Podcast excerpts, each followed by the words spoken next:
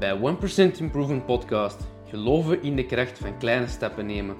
We gaan in gesprek met gepassioneerde mensen uit verschillende vakgebieden. We delen kennis, praktische tips en diepgaande inzichten omtrent mentale en fysieke gezondheid.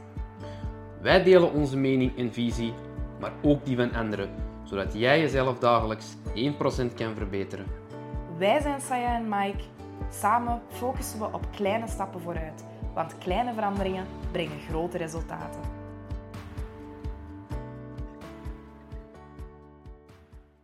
Welkom allemaal bij alweer een nieuwe aflevering van de 1% Improvement Podcast. Mijn naam is Saya en ik zit hier vandaag weer samen met Mike. En we gaan het vandaag hebben over ehm, een introductie tot de KPNI. Ehm, een opleiding waar dan Mike enkele maanden geleden mee begonnen is. Maar ehm, als je zoals mij uh, een leek daarin bent, dan weet je eigenlijk totaal niet zo goed wat dat KPNI nu juist is. Dus misschien kunnen we best deze aflevering starten met eens even te uh, kaderen. Wat is KPNI nu eigenlijk? Yes, dus KPNI staat voor Klinische Psychoneuroimmunologie. En dat is eigenlijk een wetenschap die zich focust op de systeemgeneeskunde.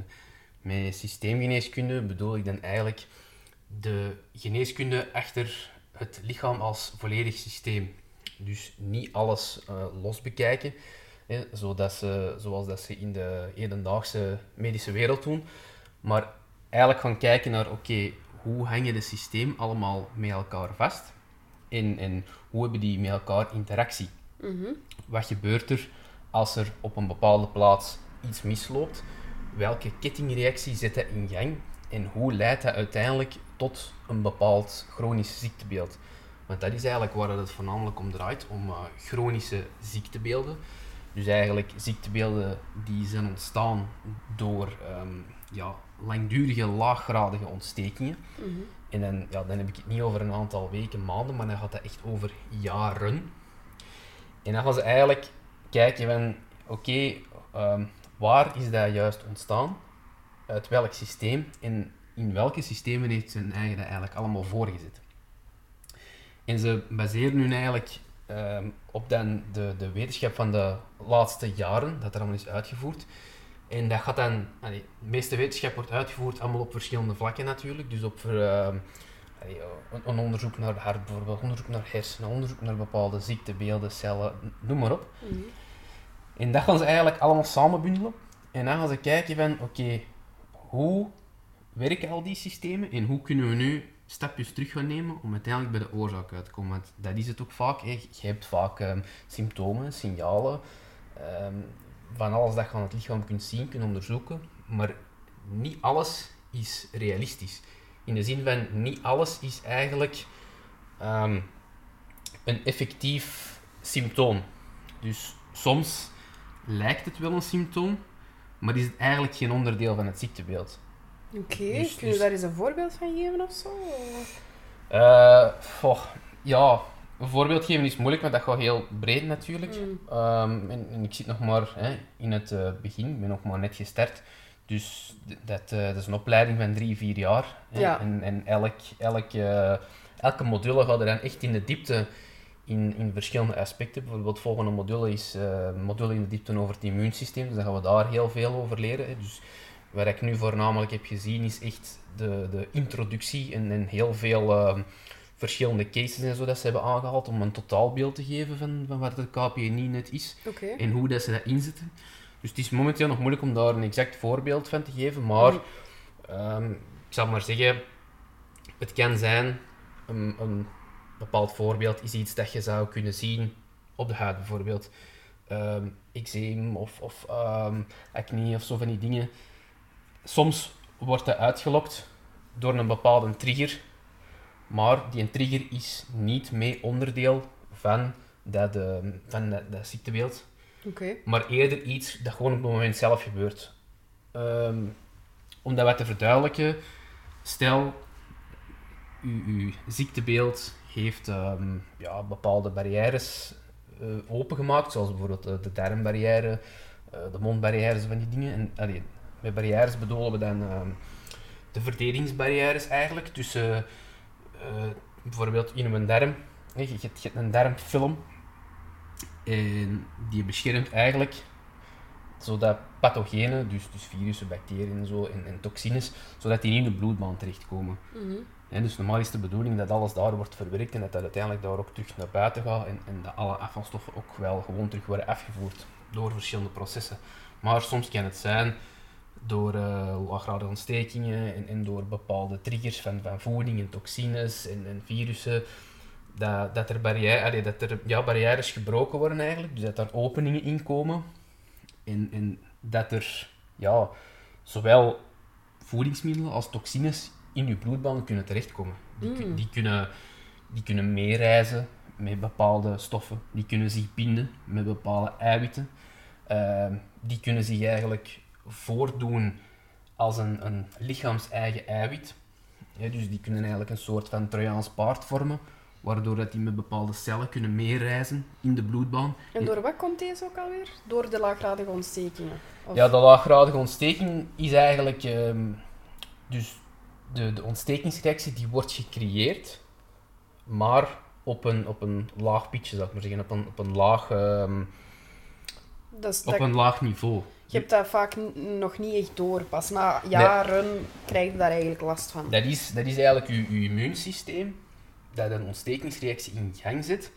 Maar je immuunsysteem heeft op dat moment niet meer de capaciteit om, om een sterke immuunreactie in gang te zetten. Want normaal gezien, als er iets, iets mis is, hè, als je immuunsysteem iets detecteert dat daar niet hoort te zijn, Mhm.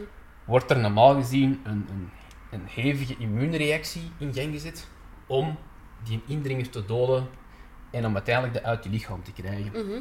Maar door omstandigheden, want dat, dat is het natuurlijk altijd, het is altijd een samenloop van omstandigheden. Het is nooit niet maar één ding. Het is altijd dit en dat Ja, en dat. altijd multifactorieel. Ja, super multifactorieel, dus je kunt nooit niet spreken over ja, dat komt daardoor. Maar door samenloop van omstandigheden dan kan je lichaam eigenlijk niet meer met een heftige immuunreactie reageren, waardoor dat altijd maar laaggradig is. Mm. Dus een kleine immuunreactie, maar die blijft wel constant aanhouden. En omdat die immuunreactie niet groot genoeg is en niet sterk genoeg, blijft dus die indringer daar wel zitten en, en blijft die wel tot allee, in leven, zal ik maar zeggen. Dus stel dat dat een bepaald pathogeen, een, een bepaalde bacterie is, of een parasiet bijvoorbeeld, ja, die, die blijven daar aanwezig omdat die niet gedood worden. Er worden misschien altijd wel kleine stukjes aangetast, maar ja, bacteriën kunnen zich vermeerderen, die, die kunnen zich eh, in cellen verstoppen, die kunnen met cellen meereizen. Dus ja, het probleem is als die nooit niet volledig gedood worden, ja, die, die, die vermeerderen, vermeerderen, vermeerderen. Ja, plus je krijgt er ook nog meer binnen, hè, met, met je voeding, met de lucht, met alles.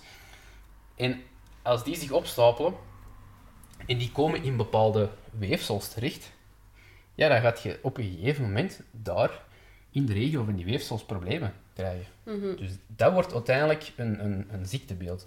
Dus door, door eigenlijk, doordat dat ooit ergens gestart is, met een bepaalde trigger, met een bepaalde opening, met, met iets dat er is, is misgelopen in heel het fysiologische systeem, ga je eigenlijk dingen beginnen krijgen, zoals eh, virussen die in de bloedbaan terechtkomen, bacteriën, parasieten, eh, toxines. Hè, want hedendaagse maatschappij, we hebben echt duizenden toxines. Mhm. En, en het probleem is dat ons lichaam daar niet tegen bestand is. En kun je eens een voorbeeld geven van die toxines dan? Toxines, dat kan gaan van ehm, chemicaliën, zware metalen, ehm, eh, kleine, kleine eh, eh, microplastics bijvoorbeeld. Hè? Dus Mhm. kleine deeltjes plastic. Ehm, Want die chemicaliën en dergelijke bijvoorbeeld, hoe krijgen wij dat binnen, die chemicaliën, metalen? ehm? Dat zit in alles. Dat zit, eh, ja, de chemicaliën, ja, dat, is, dat zit tegenwoordig in, in ja, alles rondom ons natuurlijk. Hè. Eh, heel ons huis zit ten eerste al vol chemicaliën. Eh, chemicaliën dumpen ze heel veel in, eh, in water, hè, in, in beken en zo. Ze, ze, dumpen dat, de grond. Hè. De, de Mhm. schandaal over laatst van de, van de 3M en van de PFAS en heel de, heel de hoop daar. hè. Van eh, die de, de chemische fabriek in Antwerpen, dat altijd maar eh, hun, hun afvalchemicaliën in de grond aan het dumpen waren. Ah ja, oké. Ja, het ding is, hè, ook, ook die dumpen in de grond. Maar ja, dat trekt natuurlijk in de grond, in het grondwater, dat gaat door, dat komt in ons drinkwater terecht, wij krijgen dat binnen. Eh, dat zit bijvoorbeeld, ehm, dat zit in de grond waar dat je je groentjes in plant.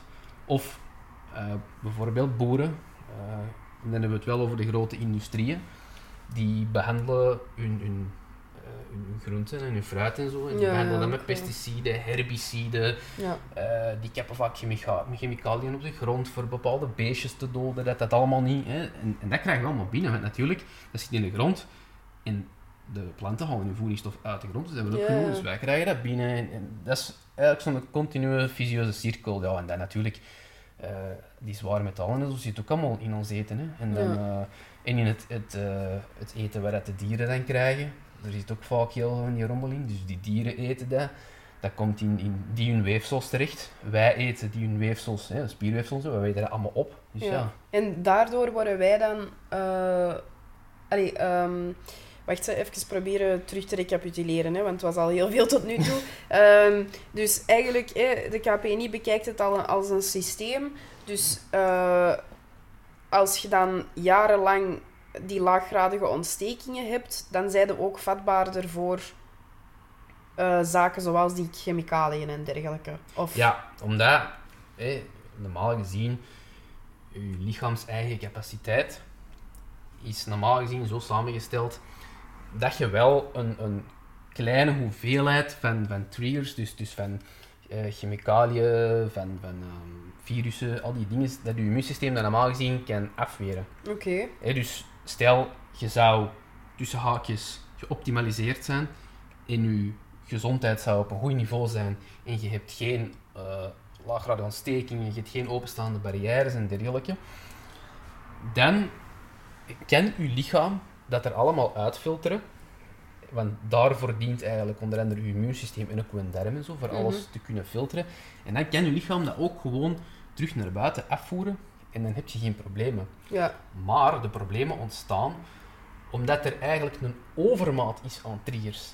Dus je lichaam kan het gewoon niet meer bijhouden. Mhm. Dus je bent constant maar alles op elkaar aan het gooien. Dat is constant van hier wat zware metalen, hier wat triggers. En dan hebben we het ook nog niet over eh, stress en zo gehad bijvoorbeeld. Hè. De, de psychologische omstandigheden, want dat zit ook nog heel veel in gang. Hè. Bijvoorbeeld nog wat, nog wat stress erbij.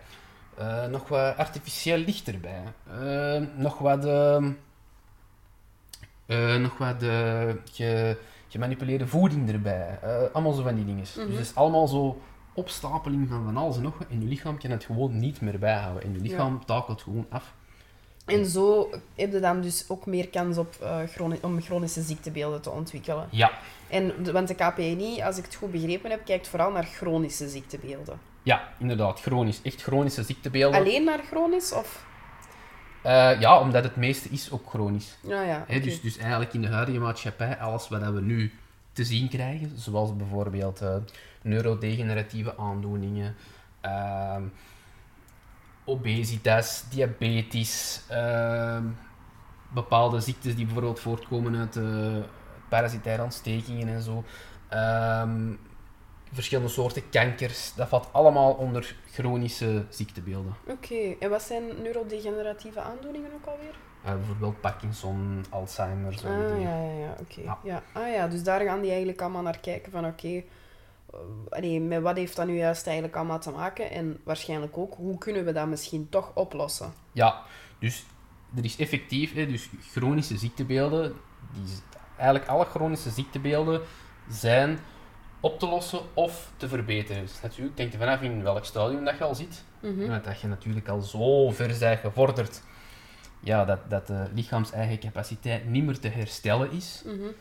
ja, dan is het gewoon een kwestie van, van het probleem te reduceren en, en zien hoe lang dat nog duurt natuurlijk. Oké. Maar ehm, er zijn heel veel zaken die gewoon kunnen worden opgelost.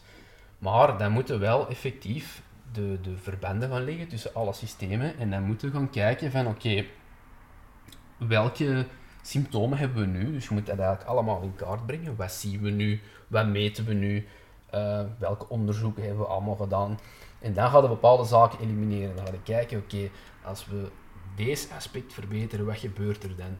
Als we deze aspect verbeteren, wat gebeurt er dan? En dan ga je proberen eigenlijk altijd stapjes terug te nemen. Mhm. Ja, want je moet natuurlijk in, in stapjes werken. Je moet niet ehm, één systeem proberen te verbeteren dat samenhangt met een ander systeem. Want ja, als je het één wegneemt en het ander is er nog niet, ja, dan kan het gewoon terugkomen natuurlijk. Dus je moet echt altijd gaan zien van welke connecties is er, hoe neem ik stapjes terug. En, en dan kijk je, en dan gaat je uiteindelijk tot de, de effectieve oorzaak komen.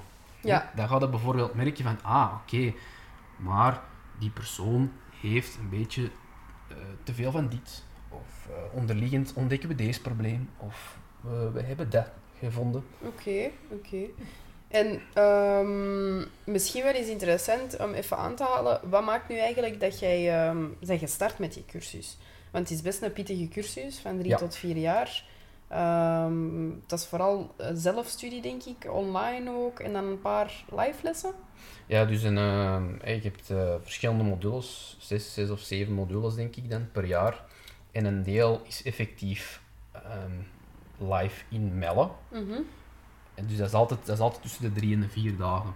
En dan een aantal modules zijn dan online. Maar dat is altijd wel een, een volledige dag, hè, van 9 tot half 6. Ja, En dan die, die, die werken op basis van alle informatie dat ze zelf doorheen de jaren al hebben verzameld. En, en ehm, het is eigenlijk de bedoeling, ze, op die paar dagen geven die uitleg, uitleg, uitleg. En jij kunt natuurlijk ook vragen stellen en zo, maar die, die vertellen u hoe dat die systemen werken, ehm, wat, wat dat erachter ligt, wat dat, kan veroorzaken, hoe dat je eigenlijk zelf op zoek moet gaan naar die, ehm, naar die eh, problematiek. Hè? Mhm. hoe, hoe dat je er zelf mee, mee aan de slag kunt gaan.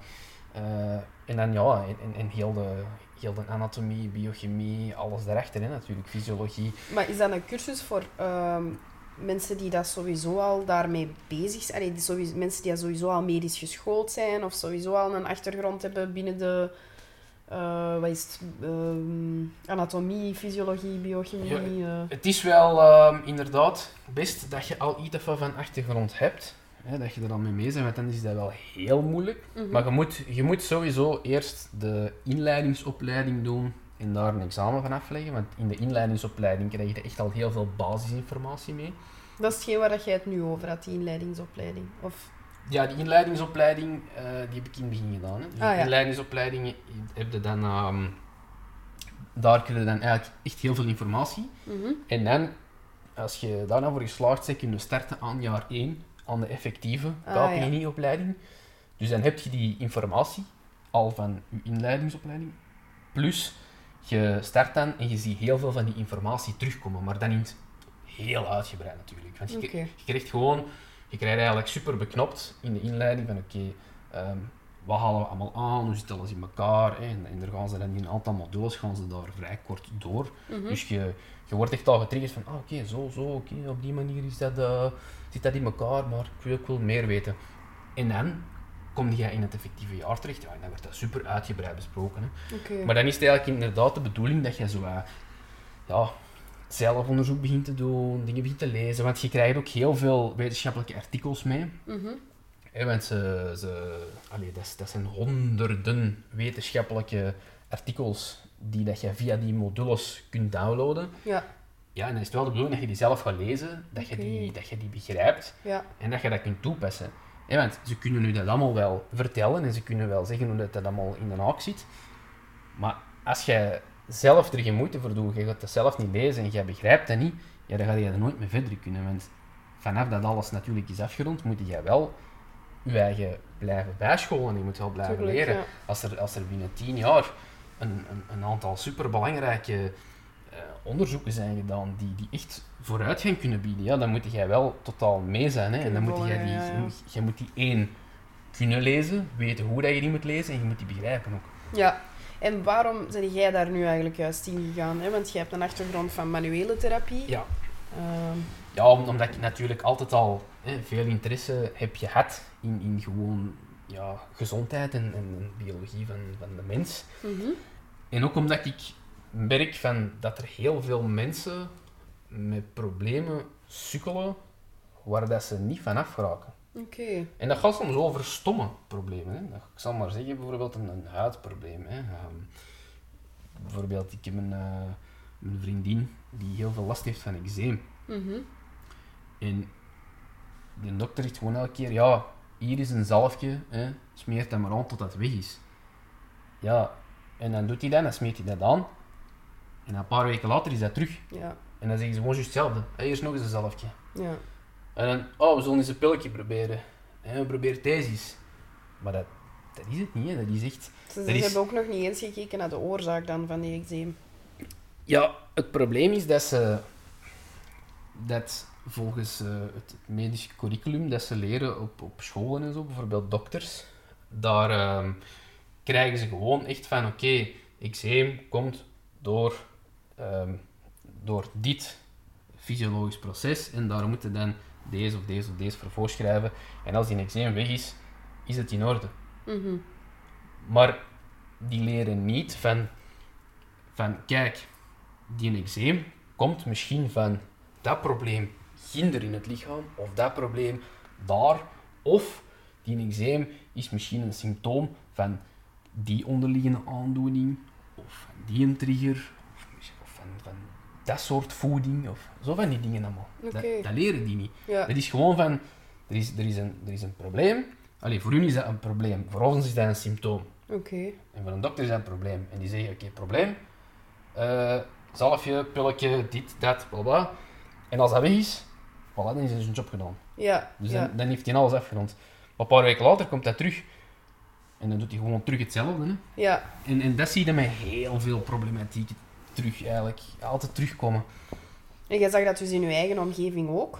Ja, ik, zie- ik zie dat zeker met, met, met de manuele therapie. Je ziet zoveel klanten en, en, en die klanten vertellen soms over bepaalde problemen waar dat jij ja, totaal dan niet in thuis bent, Mhm. maar wel weet van, oké, dat ligt dieper, maar je kunt daar zelf niet mee aan de slag. Je kunt die mensen Ja. niet helpen omdat je heel het proces erachter nog niet kent, omdat je het totaalbeeld nog niet hebt. Hè, want natuurlijk, eh, lees zelf veel boeken en zo, en, en je, je weet wel, je, je kent een beetje van deze systeem, een beetje van deze systeem, maar je kunt die connecties zo niet leggen. Mhm. Dat is het moeilijke. Ja. En dat leerde hier effectief. Echt die connecties leggen. Echt ja, een, een puzzel maken. En, en alles in het, in het groot bekijken. Niet zo van, je hebt hier een probleem in, in deze gebied. Eens kijken wat dat we hier kunnen manipuleren. Mhm. Nee, nee, dat is zo van, oké, je hebt hier een probleem. Eens kijken wat dat we in heel je lichaam kunnen vinden. Ja, ja, ja, voilà. Dus je wilt echt wel het grotere, allee, grotere plaatje kunnen bekijken om Ja. zo mensen effectief ervan En- af te kunnen helpen. En, en echt ook dingen oplossen. Hè. Ja, Gewoon voilà. tot, tot, echt tot de laatste druppel kunnen oplossen. Hè. Niet gelijk dat ze, ik zeg het, niet dat, dat gelijk dat ze in de hedendaagse medische wereld doen van, we gaan nu even oplappen Ja. En, en binnen een paar weken staat hij er terug. En dan Mhm. zullen we nog eens oplappen. En dan komt er op een gegeven moment komt er iets anders te boven, een heel ander symptoom. En dan zeggen ze, oh, buiten ons vakgebied, gaan we naar die specialist. En dan Ja. zegt hij, ik ga nu eens oplappen. Ja. Ja. Ja, ja, ja. En dat is zo, oplapmiddel boven oplapmiddel. Ja, en ze worden van het kastje naar de muur gestuurd Ja, en, en, allee, er, zijn, er zijn mensen bij, 40, 50 jaar, 10 verschillende pillen ontslikken, drie operaties gehad. eh, allee, en dan zeggen ze zo, ja, dat, dat hoort bij het leven.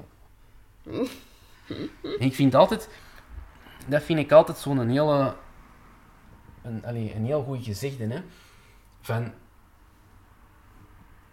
allee, uw probleem komt toch niet door een tekort aan dat medicijn. Mhm. Ja, Ah, dat is waar. Ja. Kijk, allee, er, zijn, er zijn medicijnen op de markt die heel goed zijn, dat ze die hebben uitgevonden. Maar dat gaat dan voornamelijk over acute problematiek. Hè. En ac- acute problematiek, dat is niet hetgeen dat wij doen. Acute problematiek is echt de, de moment zelf. En heel ernstig. Hè. Ik zal nu maar zeggen, jij, jij komt op spoed en jij hebt ineens een ernstige infectie Mhm.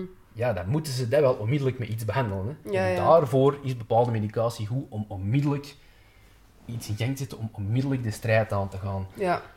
Maar een chronisch probleem lost jij daar niet mee op. Want Mhm. een chronisch probleem is echt lange termijn. En een chronisch probleem is super hard verspreid in het lichaam. Terwijl een acuut probleem is vaak plaatselijk. Dus jij gaat dan plaatselijk behandelen. Jij neemt medicatie voor een plaatselijk probleem. Is dat opgelost? Is het ook gewoon gedaan. Mhm. Hè? En, en, en daar inderdaad, daar is de medische wereld heel goed in. Acute problemen oplossen. zeker met, ehm, met alles wat ze de, de dag van vandaag kunnen qua operaties en zo. Ze kunnen echt fantastische dingen kunnen ze oplossen. Ze kunnen dingen terug reconstrueren. Ze kunnen, ze kunnen bepaalde organen vervangen en zo. Dat is allemaal, dat is allemaal goed, hè? Dat, is allemaal, dat is allemaal acuut. Dat is, dat is top. Mhm. Maar chronische problematiek oplossen, Er is Eh. nog eh, weinig... eh, daar eh, zijn ze heel slecht in. Gewoon het feit omdat ze daar één niet bij stilstaan en, en omdat ze die kennis niet meekrijgen, ook gewoon niet van, van, vanuit het instituut waar ze hun opleiding hebben gevolgd. Ja, want wat maakt eh KPNI dan zoveel allee, beter of, of anders? ehm, want allee, ik, ik, eh, ik kan me voorstellen dat sommige mensen nu luisteren en denken van ja, maar als dat dan zo belangrijk is en zo goed om, eh, om het vanuit het perspectief vanuit KPNI te bekijken, waarom wordt dat dan niet in de unifen en zo gegeven? Omdat, één, ehm, deze is nog een, een vrij jonge wetenschap. Hè. Daar zijn ze nog maar goh, 30, 35 jaar mee bezig. Dus dat bestaat nog niet zo heel lang. Wie was de grondlegger? Leo Pruimboom. ah ja. Ja. dat is wel een dokter. Ja, Leo Pruimboom is, eh, is ja, die heeft verschillende, eh, verschillende titels. Hè. Die heeft, ehm, mm, dat is, als ik me goed herinner, eh, is, dat, is, dat is een onderzoeker, dat is een dokter. ehm, die is, hij heeft zijn eigen instituut, Leo Pruimboom Instituut. Ehm, heeft ook, eh allee, KPNI is ook verbonden met eh, ik weet nu niet meer welke universiteit, maar een universiteit in Spanje. Dus die hebben daar een aantal eh, zetels waar ze effectief lesgeven en zo. Hmm. Het Leo Pruimboom Instituut heeft ook, ik denk dat hem toen zei, vier onderzoekslijnen. Ehm, dus effectief, want je kunt, als je een voorafgaande master hebt, kun jij ook mee in dat onderzoeksprogramma stappen als je je ervoor aanmeldt. En dan kun je ook een PhD krijgen in een bepaald onderzoeklijn. Ah, Dus dan kun je bijvoorbeeld mee onderzoek gaan doen eh, in, in de lijn van, van kanker bijvoorbeeld. Eh, ze hebben ook een onderzoekslijn in fibromyalgie. Hmm, En dan waren er nog twee andere, maar die weet ik niet meer van buiten. Dus dat is eigenlijk één van de, de redenen, eh, omdat dat nog maar 30 à 35 jaar Ja, dat is bestaat. één van de redenen. En de andere reden, ja, dat is ook gewoon omdat ze hebben de, de laatste, ja, laatste decennia hebben ze eigenlijk de, de medische structuur zo uit elkaar getrokken, zo opgesplitst, dat er eigenlijk ja, dat er geen beginnen niet meer aan is. Hè. Elk, ik zou maar zeggen, elk orgaantje, elk deeltje in je lichaam, er is wel een specialist voor. Ja, ja. Hè, dus ze hebben eigenlijk alles zo uit elkaar getrokken. Als je dat terug allemaal zou willen samengooien, ja, dan zijn er eigenlijk geen specialisten meer. Dan moet iedereen alles hetzelfde gaan volgen. ja, en er, is misschien, er zijn sowieso ook wel voordelen aan het feit dat er specialisten zijn. Dat die zich dan enorm kunnen verdiepen ook in Eh, bepaalde... ja, het voordeel is, gelijk dat ik er straks heb gezegd, hè, dat ze heel goed zijn in acute problemen behandelen. Hè. Ja. Bijvoorbeeld, zou ik maar zeggen, eh, ja, een neurochirurg, ja, die, die is supergoed in, in ehm, neurochirurgie, in de, de problematiek met, eh, met het brein behandelen. Hè. Mhm, Dus, mhm. dus breinoperaties, ja, als jij daar niet jaren op oefent en Ja, tijd ja, in voilà. steekt, hey, ga maar eens even in je brein snijden en, en, het weten, weten wat je moet doen. Hè. Want als je een brein oplegt, dan is dat zo van, wow, dat is éénzelfde massa. Ja, je moet weten wat je moet doen, wat je moet snijden. En, tuurlijk. en, ja. en de- er moet ook onderzoek naar gedaan worden. Hè. Dus, dus er moeten mensen zich specialiseren in bepaalde lijnen. Hè. Mhm. Maar ja, het ding is dat ze soms... Ze hebben dat zo, zo hard in elkaar getrokken en ze hebben alles zo hard verdeeld. En ze hebben, ze hebben, ze hebben het beeld van, van, van de echte geneeskunde hebben ze zo hard ja, vernietigd eigenlijk, dat ze, ja, dat ze nu niks anders niet meer kennen. Hm. Ze, ze, ze weten gewoon niet beter en, en ze kennen ook niks anders. En dat, is, heeft, dat heeft ook heel veel te maken natuurlijk ehm, met in der tijd, eh, begin jaren 1900, met de, de opkomst van de pharma en de invloed van de pharma op de huidige medische wereld. Met, eh, dat die in der tijd natuurlijk alles eh, zijn beginnen subsidiëren en dan hun eigen farmaceutische producten zijn beginnen pushen. En dat Hm. die eigenlijk ook heel het medische curriculum zijn beginnen veranderen. Beginnen zeggen van, ah, ah, kijk, eh, deze medicijntje is voor deze, deze is voor dat, dat is voor dat.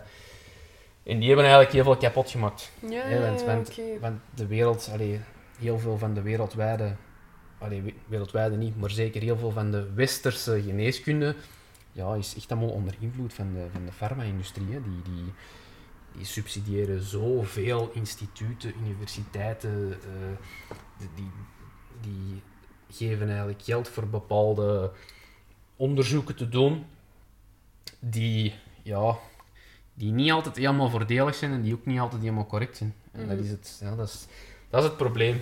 Ja, Vooral geld, dat dat echt... ja.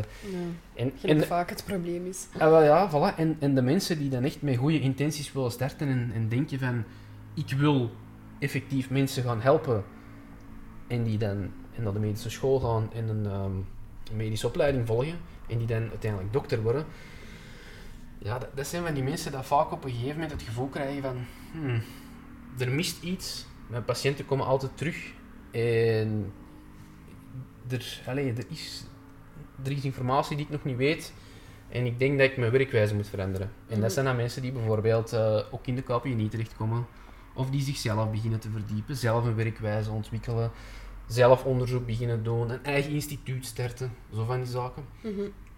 Ja, want dat was uiteindelijk, eh allee, zo zijn de meeste gestart. Hè. De- heel veel van het, het, allee, de instituten die je nu ziet, de mensen, die dokters ervan, die zijn ooit gestart zelf, hè, medische school. Ja, tuurlijk, ja. En dan gezegd van, hm, deze klopt precies niet, de, mijn manier van behandelen. Ik ben hier de symptoompjes aan het behandelen en de mensen pilletjes aan het voorschrijven en dat wordt al alsmaar erger. En dan, gaan die, ja, dan beginnen die zelf na te denken, zelf onderzoek te doen, studies te lezen. Ja, Maar dat is ook nog een verschil. Hè. De wetenschap is zo breed, er is zoveel beschikbaar, Mhm, mhm. zoveel informatie. ja je ziet soms door het bos de bomen niet meer. Hè. Ja, maar er wordt ook maar 30% of zo van de informatie gebruikt. Ja. Snap je? Dus zoveel onderzoeken naar zaken waar je zelfs het bestaan nog niet van weet, dat je denkt van, hè, echt? Werkt, werkt het lichaam zo? Maar dat wordt allemaal niet, niet gebruikt. Terwijl er is allemaal gewoon onderzoek naar gedaan. Je kunt dat allemaal gewoon lezen, implementeren, uittesten. Dus ja, waarom zou je het niet doen? En dat is hetgeen wat dan effectief de KPNI doet. Ja. En, en, ja, en die doen ook hun eigen onderzoek natuurlijk. Hè, want er zijn Mhm. bepaalde zaken waar dat dan gewoon ook nog geen onderzoek naar gedaan is. Dus dan doen ze het ook gewoon zelf. Hè. Ja, ja, En dan, hè, dan, dan, dan vragen ze dat aan en dan, dan vragen ze daar een keuring voor. En dan, als dat allemaal rond is en ze hebben hun onderzoek gedaan hè, en, en dat is allemaal eh, gelezen en gereviewd, dan wordt dat ook gewoon mee gepubliceerd in eh, medische journals. Oké, oké, interesting. Dus En- het, het, het ding is, van, ehm, het is niet alleen mensen zoals ik bijvoorbeeld, die gewoon interesse hebben om, om ja, mensen, mensen te helpen. En wat uiteindelijk, ik- start een beetje wel van nul, zal ik maar zeggen. Ik heb iets of wat voorkennis. Maar ja, ik ben, ik ben niet eh, als dokter of zo gaan studeren, Mhm. maar er zijn effectief dokters, apothekers, eh, echt mensen met, met, met een stevige medische achtergrond die ook de KPNI-opleiding komen volgen. Ah ja. En het graven vind ik dan van, die mensen vallen soms tijdens de les echt uit de lucht. Van, Ah. van amai, echt, werkt dat zo? Is het, is het systeem echt zo geoptimaliseerd om op die manier te werken? Ja, dat wist ik helemaal niet. Ah ja, ja, oké, interesting. Ja. Ja. En is dat de, het merendeel van eh, uw groep die dat bestaat uit mensen met een medische achtergrond? Of is de... Er zijn er wel veel, ja. Ja, ja er, dus de meerderheid is wel... Allee, eh, en de minderheid is eigenlijk gelijk u, die dat eerder vanaf nul beginnen en met minder voorkennis starten. Ja. Ja, want eh, als ik me goed herinner, ik denk dat, we, ik denk dat we twee of drie apothekers hebben in de groep. Een spoedarts, een gewone arts, denk ik. Ja, mooi. Pa- een paar psychologen. Ehm, denk- Maar ja, die psychologen hebben geen, geen fysiologische voorkennis. Allee, die hebben geen medische voorkennis, hè.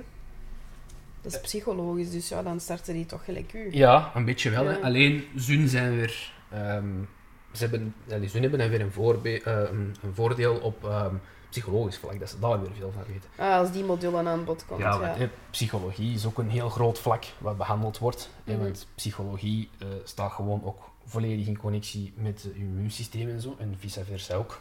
Dus je immuunsysteem kan he- heel hard je psychologisch welzijn beïnvloeden, Mhm. maar je psychologisch welzijn kan ook een effect hebben op je immuunsysteem. Ja, tuurlijk, ja. en, en, en ook gewoon op, op ehm, fysiologische werking van je lichaam. Ja, ja, ja, ja. Dus, dus dat werkt eigenlijk allemaal samen. En dat is het ding. Daarom, als je bijvoorbeeld met iemand aan de slag gaat, moeten altijd... Want niemand is hetzelfde. Hè? Ook, ook al heb jij hetzelfde ziektebeeld, gaat je niet altijd hetzelfde te werk. Mhm, dus mhm. is- je kunt niet zeggen van, ah, ik heb eh, drie weken geleden iemand gehad met dat ziektebeeld, ik heb dat gedaan, ik ga nu hetzelfde doen. Nee, Nee, nee, want ja. die situatie is helemaal anders. Dat Ja, kan zijn bijvoorbeeld, het zou kunnen dat je bij één persoon start bij een optimalisatie van de voeding, zal ik maar zeggen. Hè? Omdat daar echt wel vrij veel triggers aanwezig zijn.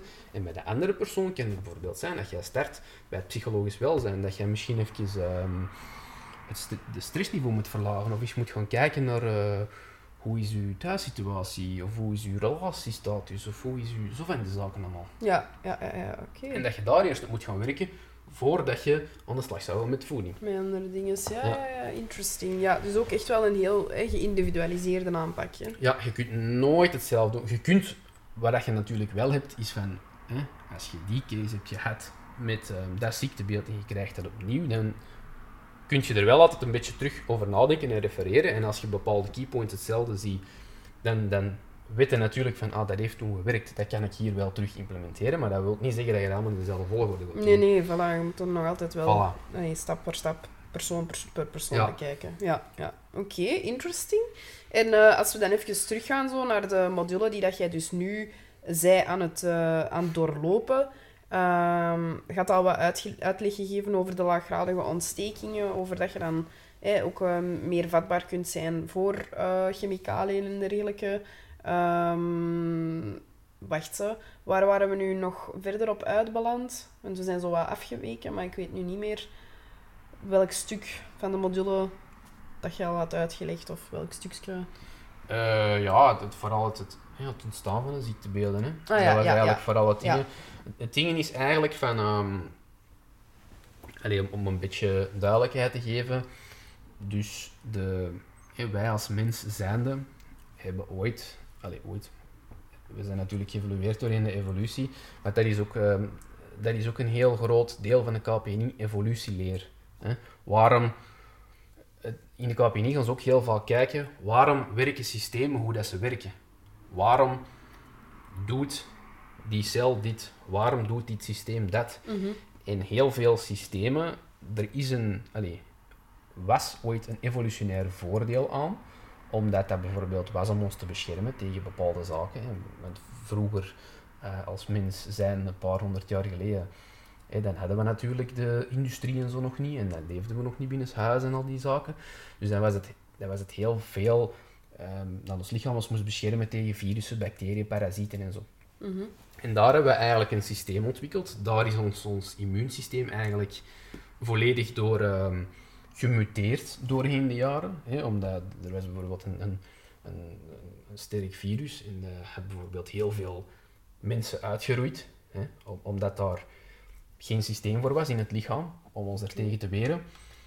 En dan begint het lichaam eigenlijk een, ehm, een systeem te creëren. Dus het lichaam gaat eruit leren, zeggen we moeten zien dat er niet meer gebeurt. Ja. Dus er vindt een mutatie plaats in de genen. En die mutatie hè, die heeft dan als voordeel van bescherming tegen dat virus bijvoorbeeld, Mhm. of die bacteriën, of die omstandigheden. Maar, met dat wij natuurlijk zijn voortgegaan in de tijd, hè, en, en, en we hebben nu een omgeving gecreëerd, allee, een, een cultuur eigenlijk, waarin, dat we, waarin dat we zitten, waarin dat we heel veel in comfort leven. Hè, waarin dat we veel minder last hebben van al die factoren zoals bacteriën, parasieten en zo. We hebben tegenwoordig zoveel systemen om, om dat op te sporen, te doden en, en hygiëne en weet ik wat allemaal. Maar wat is er wel bij gekomen? We hebben heel veel eh, externe stressfactoren gecreëerd. Onder andere ehm, ja, gewoon ons dagelijks leven, hè? stressvol leven. Ehm gelijk dat ik zeg, die chemicaliën, die toxines, hè? de luchtvervuiling, watervervuiling, grondvervuiling, eh, ge- ge- genetisch gemanipuleerd voedsel, ehm, toxines in ons huis, gewoon het, het binnenshuisleven al, hè? nooit meer buiten komen, veel te weinig daglicht, eh, artificieel licht, al die zaken, dat zijn allemaal triggers voor het, voor het lichaam.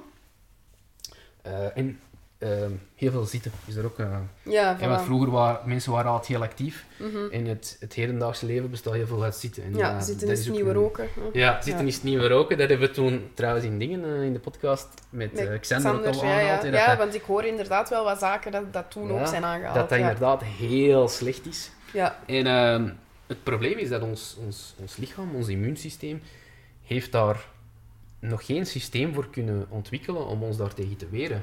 Dus het immuunsysteem is daar nog niet kunnen voor evolueren, omdat die zaken ook gewoon niet... Die zijn niet natuurlijk. Dus Mhm. het lichaam herkent dat ook niet. Dus het lichaam weet ook niet van, wat moet ik daartegen doen? Ja.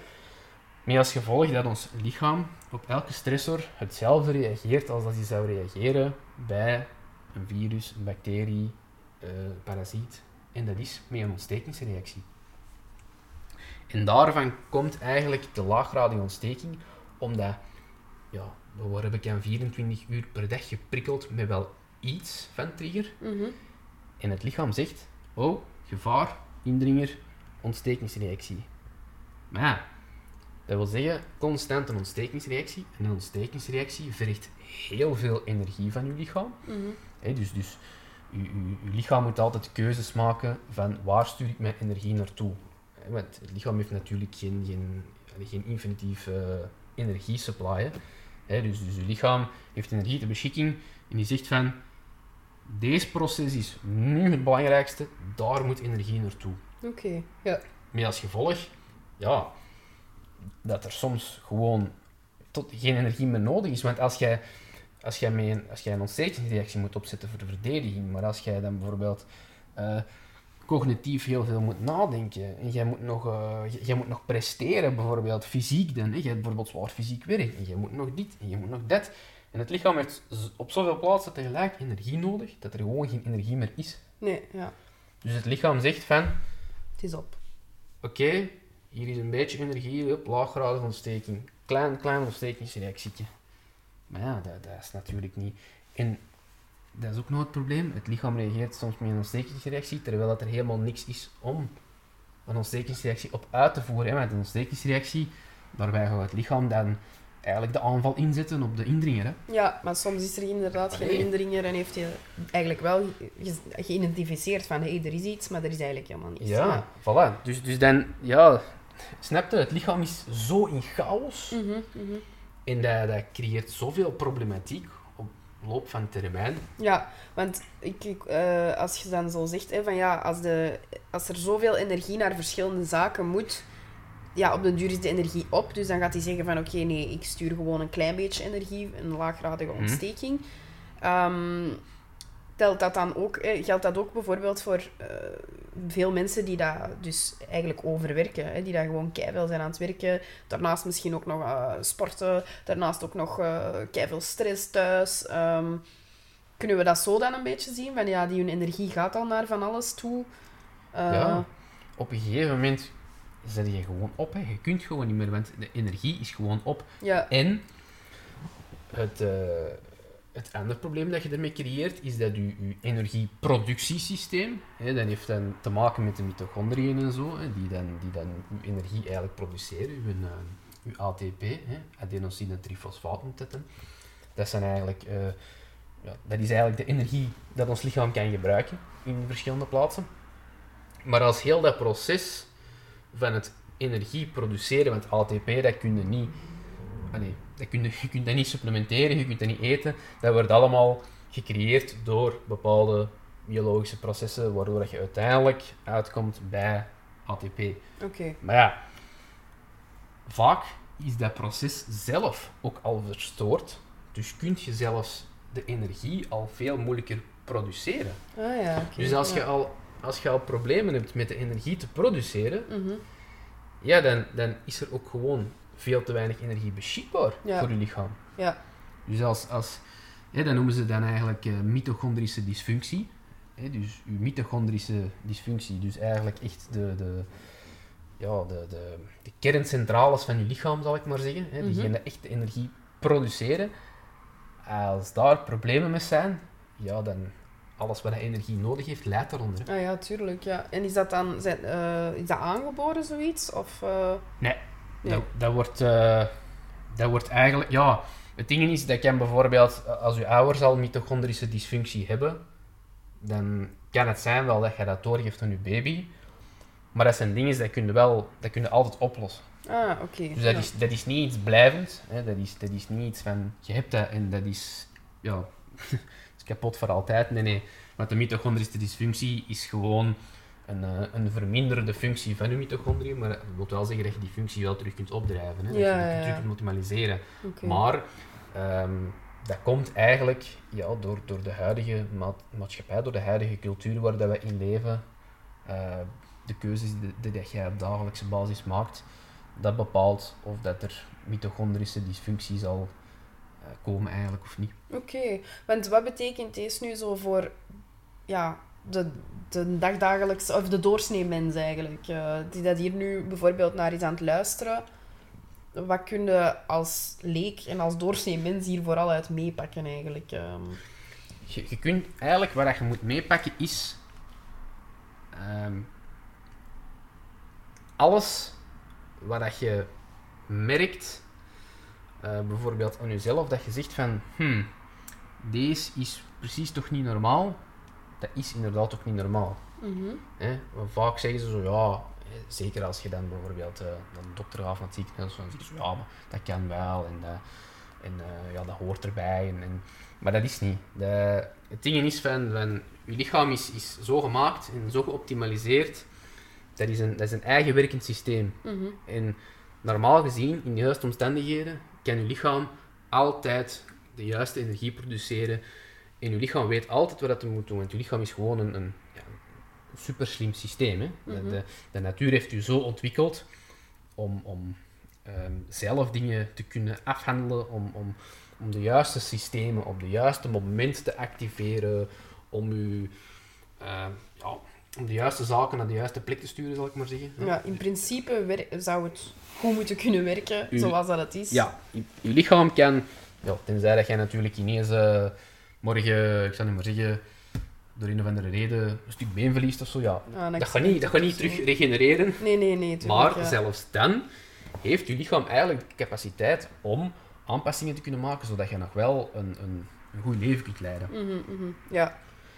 Dus eigenlijk meepakken van, kijk, als je iets opmerkt, dat is Mm. meestal wel echt niet normaal. Merk je echt iets op, gaat daar echt op door. Ja.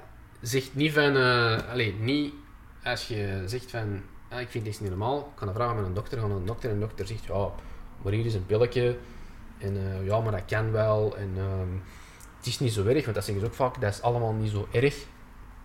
Jawel, dat kan erg worden. Het is nu misschien niet erg, hè, Mhm. maar hoe sneller je erbij bent, hoe sneller dat opgelost is. Maar als je dat laat aanslepen, dan ga je meer en meer en meer problemen krijgen. Ja. En het, het probleem is vaak, je lichaam, dat is ook het, ehm, het interessante aan, aan het lichaam. Het lichaam communiceert altijd met u. Dus je lichaam stuurt een, een, een signaal. Dus je lichaam stuurt bijvoorbeeld eh, een signaal door middel van ehm, huidproblematiek, hè, oppervlakkige problematiek zoals eczeem en zo, of, of ehm, een uitslag, of zo van die dingen allemaal. Mhm. Dat wil al zeggen van, dat je lichaam roept van, hé, hey, hey, er is hier iets mis Ja. zoekt uit waar dat het is, want anders hebben wij binnenkort een probleem. Ja.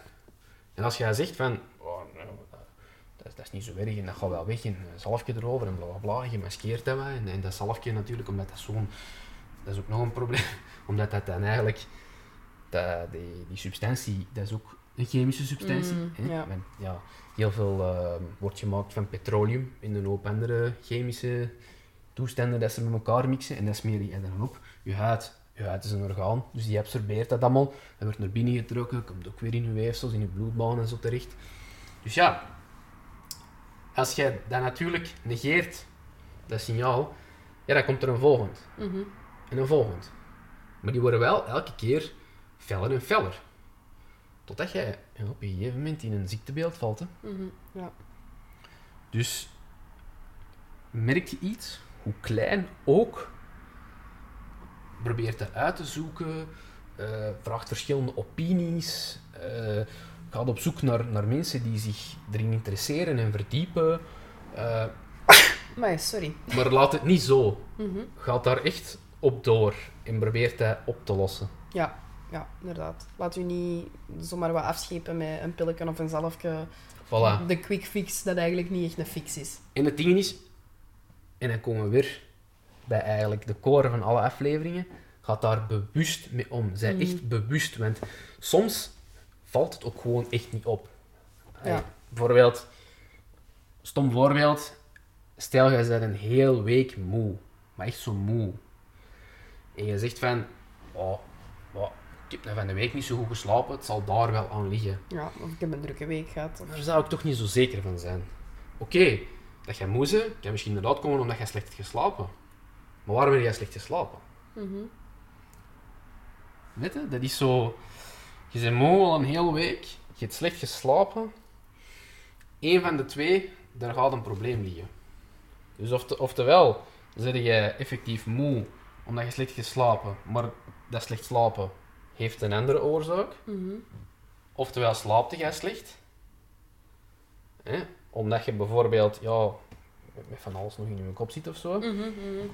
Maar die moeheid kan ook van ergens anders komen. Ja, dus het is echt wel ook zo heel bewust gaan Echt bewust. bekijken van met wat heeft deze te maken. En als ik het niet goed weet, gaat er dan ook Ja. echt effectief op door om te Voilà. weten van wat is het dan juist, zodat je echt die oorzaak kunt aanpakken. Mensen moeten echt leren luisteren naar hun instinct. Echt van... ehm, als je het gevoel hebt van, deze is niet juist, Mhm.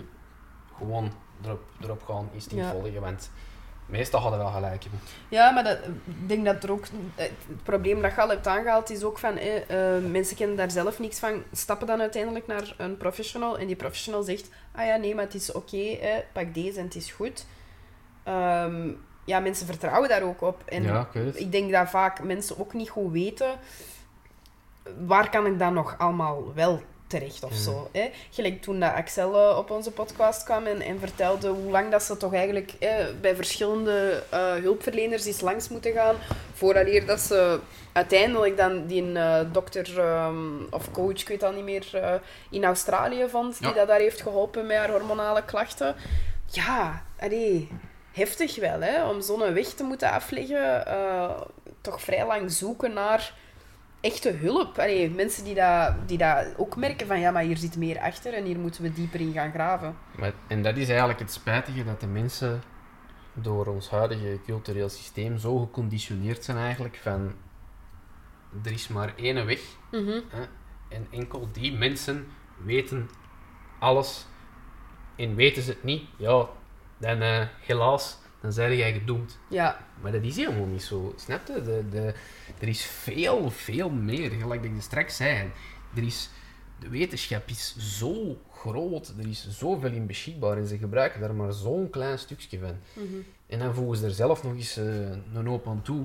ja. Ja, en, en dat is gewoon, dat is het spijtige. En, en dat wordt niet overgedragen aan de mensen, dat wordt niet verteld. En, en eigenlijk, ja, zouden ze er al van, van jongs af aan mee moeten beginnen en, en zeggen van, kijk, hé, eh, de mensen ook een beetje een basis geven van, eh, van algemene gezondheid en zo.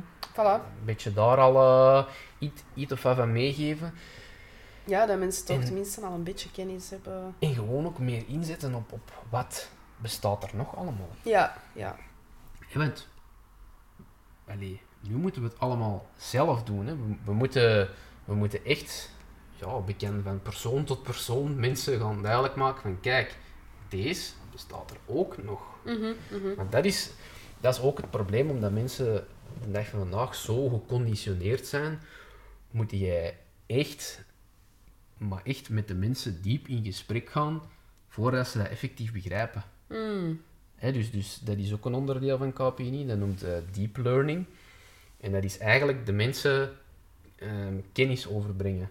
Zodat ze effectief weten van, ah oké, mijn lichaam werkt op deze manier.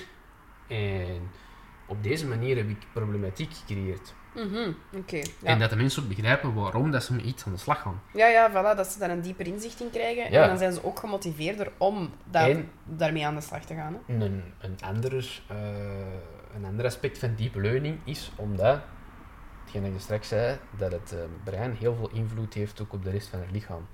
Als je brein nee zegt en je gaat met iets aan de slag, dan heb ik een zeker van dat dat niet gaat werken. Mm. Omdat je brein dat tegenwerkt. Omdat je brein eigenlijk ervoor gaat zorgen dat de, de, het proces dat normaal zou moeten plaatsvinden, hetgeen dat jij wilt in gang zetten met je interventie, dat dat niet gaat plaatsvinden. Dus dat, en- dat dat geblokkeerd Wat wordt. bedoel, wat, wat bedoel je als je brein nee zegt? Als je in weerstand zit, als je eigenlijk die verandering Ja, niet echt wil. Dus als, als, Mm.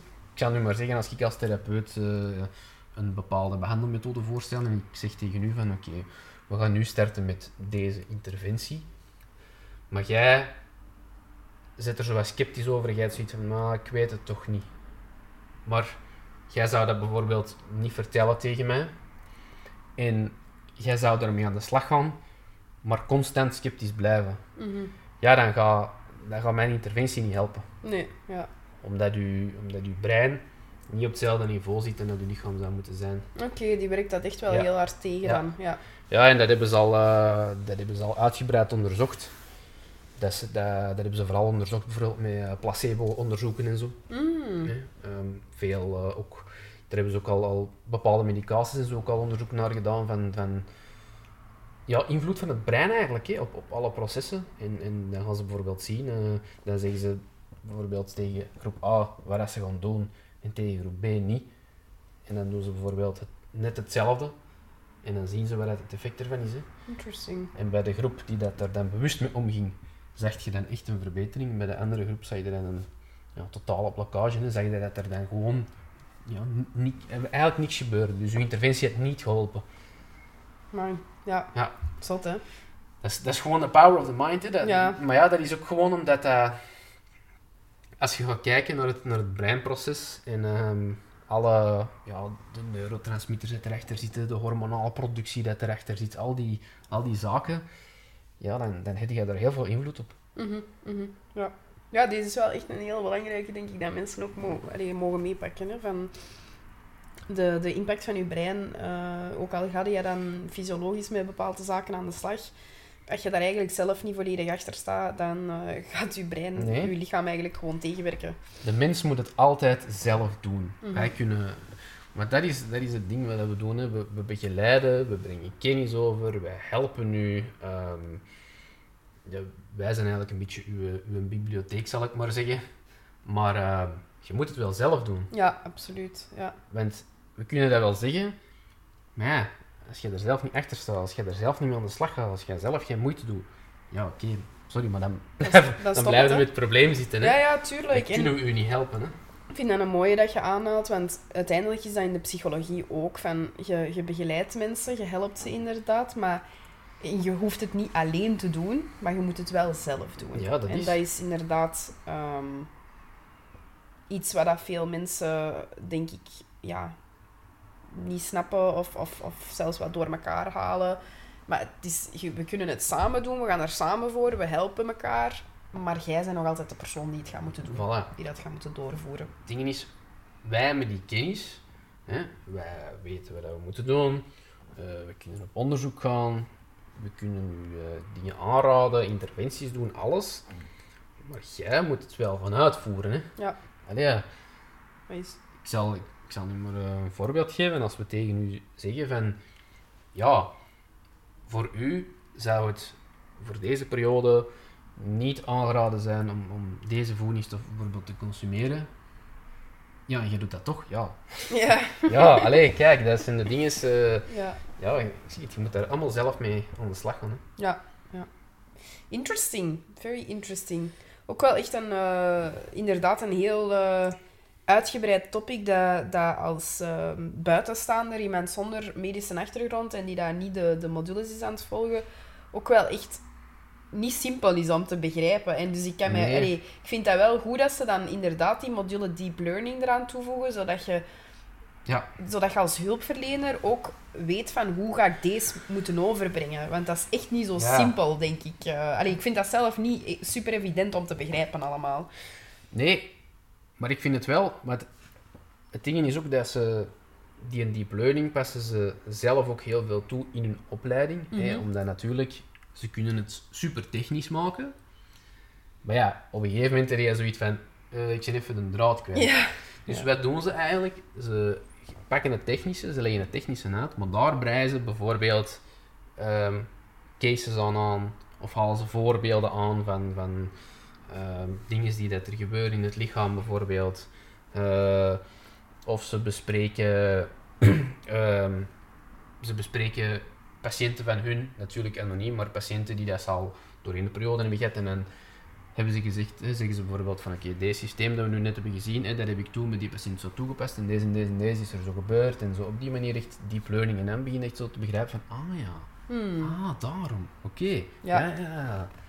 En dat is hetgeen, hè, want deep learning dat is, dat is echt een, ja, een module, hè, dat je, ik denk in jaar drie, denk ik dat dat is. Ah ja, oké. Ja. En dan, eh, dan leren ze u, u echt van hoe breng je dat over naar de patiënt. Ja. Zonder de patiënt echt brein dood te maken. Ja, voilà. zo, dat, je, dat je zo buiten gaat en denkt van oké, ik heb geen flauw benul van wat hij hier allemaal heeft gezegd Ja, maar dat, dat, heeft ook geen, dat heeft ook totaal geen zin dat je Nee. aan de slag gaat met een uitleg met allemaal medische terminologie. Dat Nee. de mens zegt van, ah, wat, wat begrijp je nou? Dus je moet daar echt, ja, je moet daar zo wat, naampjes aan geven. Je moet, je moet dat op die manier uitleggen. Je moet dat een beetje versimpelen. Je moet wat voorbeelden geven. Zo van die dingen allemaal. Ja, ja. En, en- en je, en- en veel heeft ook te maken met de, met de persoon in kwestie ook al mee in, het, eh, in de scène te betrekken. Hè. Ja, ja, voilà. Volledig betrekken in, allee, in het verhaal. Want Ja. het is gek wat je zegt, uiteindelijk komt de eindverantwoordelijkheid wel bij de Voilà. persoon zelf te liggen. eh. En, en, en ja, duidelijk maken van, kijk, deze gebeurt er nu binnen in uw lichaam. Ja, En dan begrijpen ze echt van, oh, oké. Ja, voilà, en dan verschieten ze. En dan, ja. dus Oké. ja, dat is echt, eh, dat is echt interessant. Ja, want eh, daar straks voor de dat we de podcast starten, waren jij ook al iets aan het vertellen over hè, dat ze zelf ook hun methodes toepassen tijdens de cursus. Ja. Zoals eh, die sitting breaks. Hè. Kun je daar eens even wat meer over vertellen? Van wat is dat nu juist en waarom is dat zo belangrijk?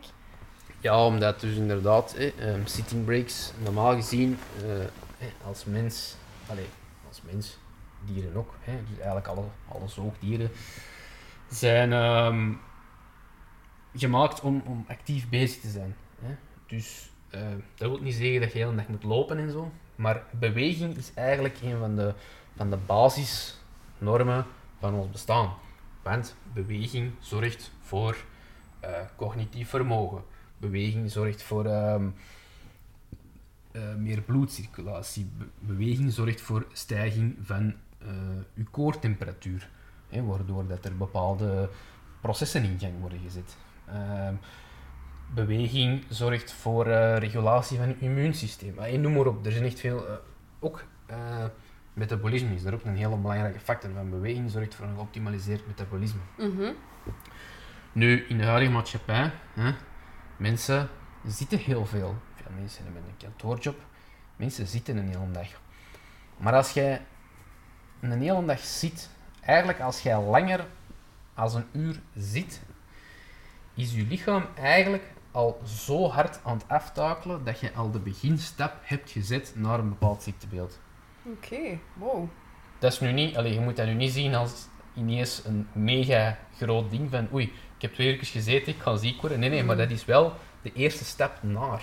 Ja, Snap je? Dat, dat, heeft al, dat heeft al een proces in gang gezet waardoor dat jij een laaggradige ontsteking zou kunnen krijgen. Want je, je metabolisme begint anders te werken, je lichaamstemperatuur begint te dalen, je cognitief vermogen begint te dalen. Mhm, mhm. Want je lichaam denkt van je bent in rust. ja, Hè, dus je bent niks aan het doen. Dus cognitief vermogen, al nadenken en zo, dat, dat, je dat niet nodig. Dus eh, cognitief vermogen weg. Eh, ja, er vinden bepaalde ontstekingsreacties plaats, omdat gelijk dat ik straks, hè, er straks zei van, dat is een trigger. Je lichaam weet niet wat er aan de hand is. Mhm. Dus denkt van, oei, problematiek, indringer, hop, ontstekingsreactie. ja. Ja, en, en, en, en dat zet ze eigenlijk alleen maar voort natuurlijk. Hè. Ja, Dus eigenlijk Dus- al vanaf dat je langer dan een uur zit. Dus eh, Ja. dat wil dan zeggen dat je eigenlijk liefst elk uur even een sitting break inlast. Ja, en eh, spieratrofie is daar ook een, ehm, een hele grote van. Hè, omdat je verminderde bloedcirculatie hebt, omdat je, je spieren zijn niet meer actief. Dus spieratrofie kan daar ook eh, zeker in plaatsvinden. Dat is wel op microniveau. Hè. Dat, is niet, dat is niet dat je zegt, ik heb een dag gezeten, ik ben de helft van mijn spieren kwijt. Ja, ja. Maar dat, dat gebeurt wel op eh, cellulair niveau. Mhm. Dus dat zijn allemaal dingen eigenlijk dat je... En daarom dat ze in de opleiding, dat ze hun, hun eigen ja, kennis ook toepassen Dus dat wil zeggen, elk uur twee minuutjes bewegen. En dat moet niet veel zijn, hè. je moet gewoon even je, je hartslag omhoog krijgen. Ja, Dus je hartslag moet lichtjes omhoog gaan, zodat je lichaam het signaal krijgt van ah, we zijn aan het bewegen, voilà. Al die processen terug in gang, alles optimaliseren. en dat is al voldoende na twee minuutjes. Dat is al voldoende natuurlijk. Ja, Ja. je moet allee, nou niet gewoon recht staan en zo eh, in het rond beginnen kijken, maar effectief iets van beweging. hè. Een beetje springen, eh je doet, eh, je doet jumping jacks of zo, of Ja, het squatbewegingetjes. Het moet, het moet Ja. ook wel eh Je moet- allee, eh, uplifting beweging zijn. Ja, het je mag moet- niet gewoon wandelen of zo zijn. Ja, snel wandelen kan. Ja, maar bijvoorbeeld niet even wandelen naar de koffiemachine. En Nee, je moet, een, ehm, je moet eigenlijk een, ehm, een licht ademhalingstekort, zal ik maar zeggen, krijgen. Dus je moet echt, zo, je moet echt zo merken van, oh maar ik heb hier inspanning gedaan. Ja, ah, ja, ja, Dus, ja, toch. Oké. Ja, De ja. ademhaling moet een beetje omhoog gaan, je moet echt zoiets Ja, hebben van, omhoog, ja. Ik zal nu maar zeggen, hè, dat wij hier uh, een trap afgaan, ja, dan, dan merk je dat je een trap bent afgegaan. Hè. Ja, Wel, dat is bijvoorbeeld, Dat is dat, voldoende. zou wel genoeg zijn. oké. Als, als wij nu uh, speed sitting breakje zouden doen, we gaan naar beneden, terug naar boven, voilà, Oké. Ja. Ja. Ja, ja, ja.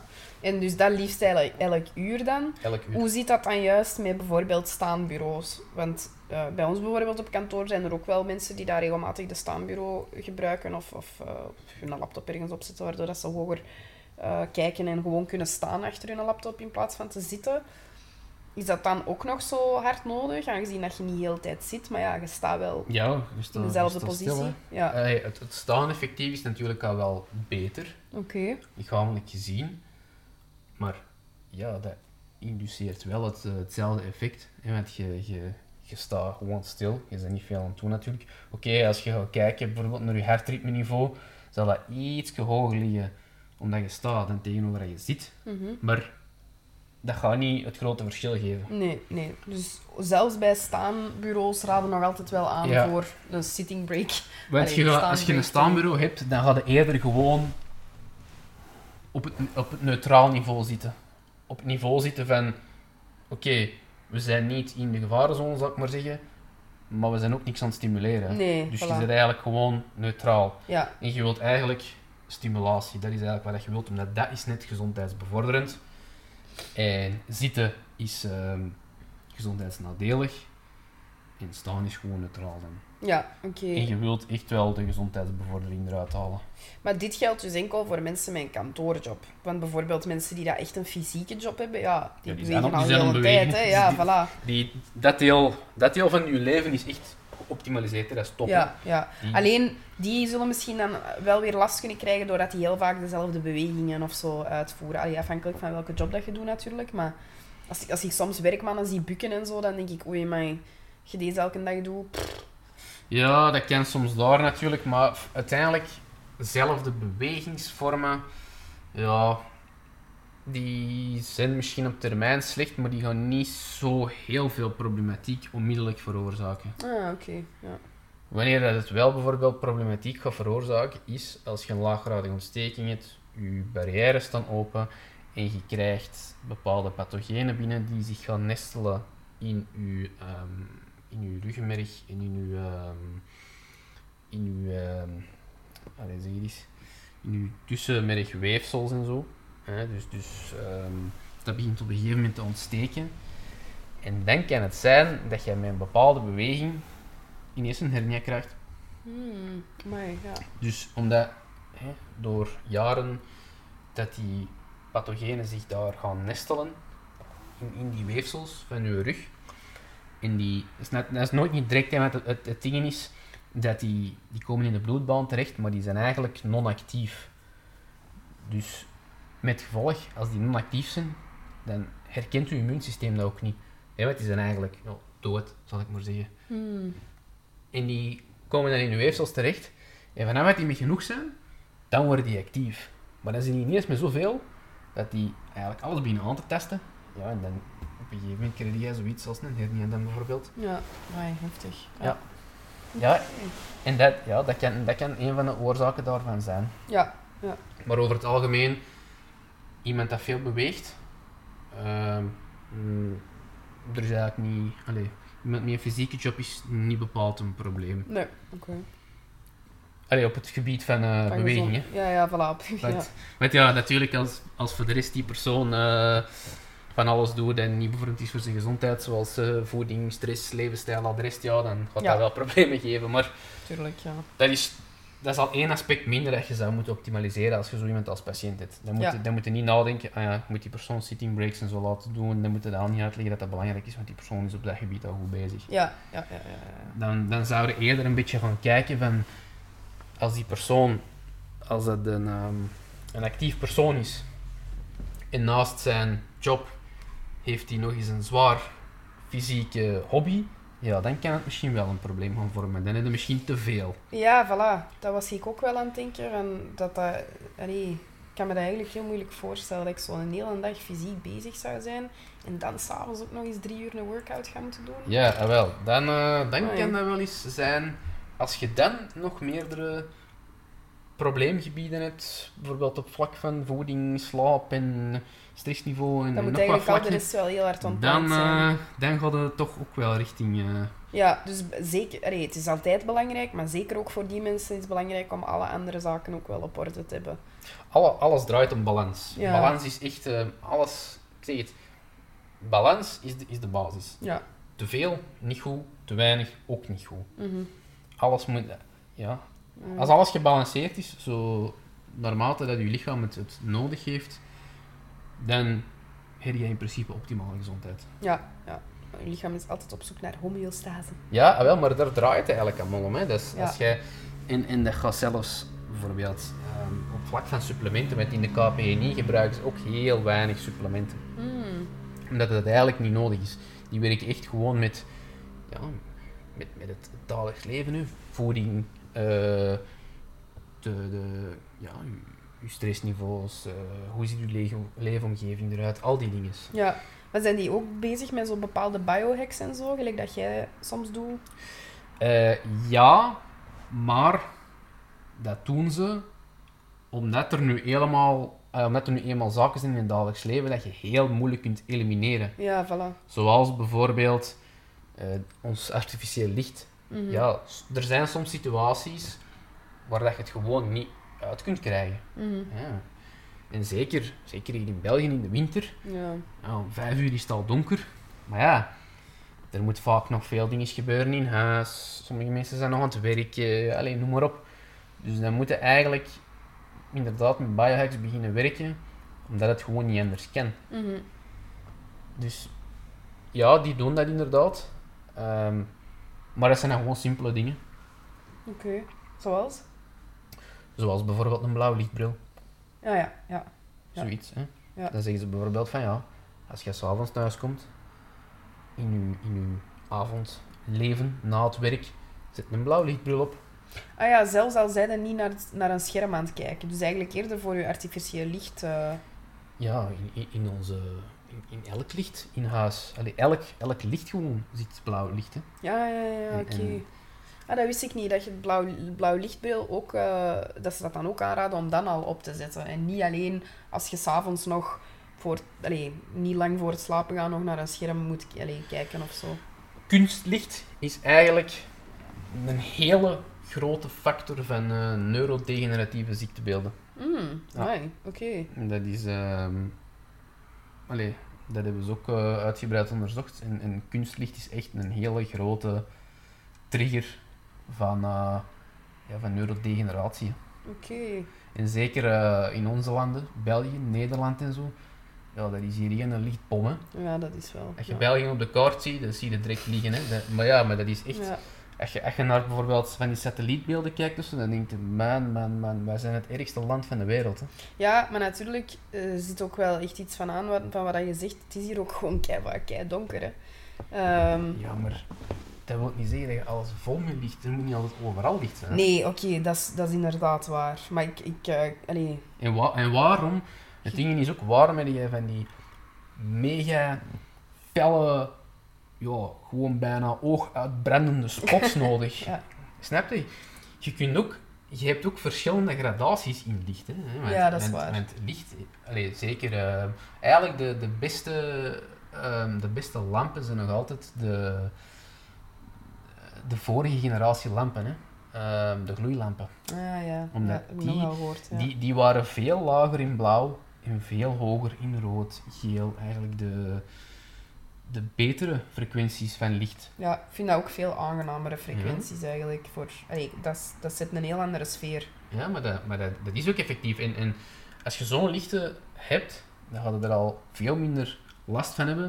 Ik zal zeggen, dan, dan moet je er al, al veel, allee, etterlijke extra jaren gebruik van maken, voordat je daar dan de negatieve effecten van gaat ondervinden. Ja, ja, voilà. Dus ook dat is wel iets wat dat je in acht kunt nemen voor bij jezelf thuis dan. Van gebruik meer zo warmere lampen ehm, en gloeilampen, Gebruik- zoutlampen.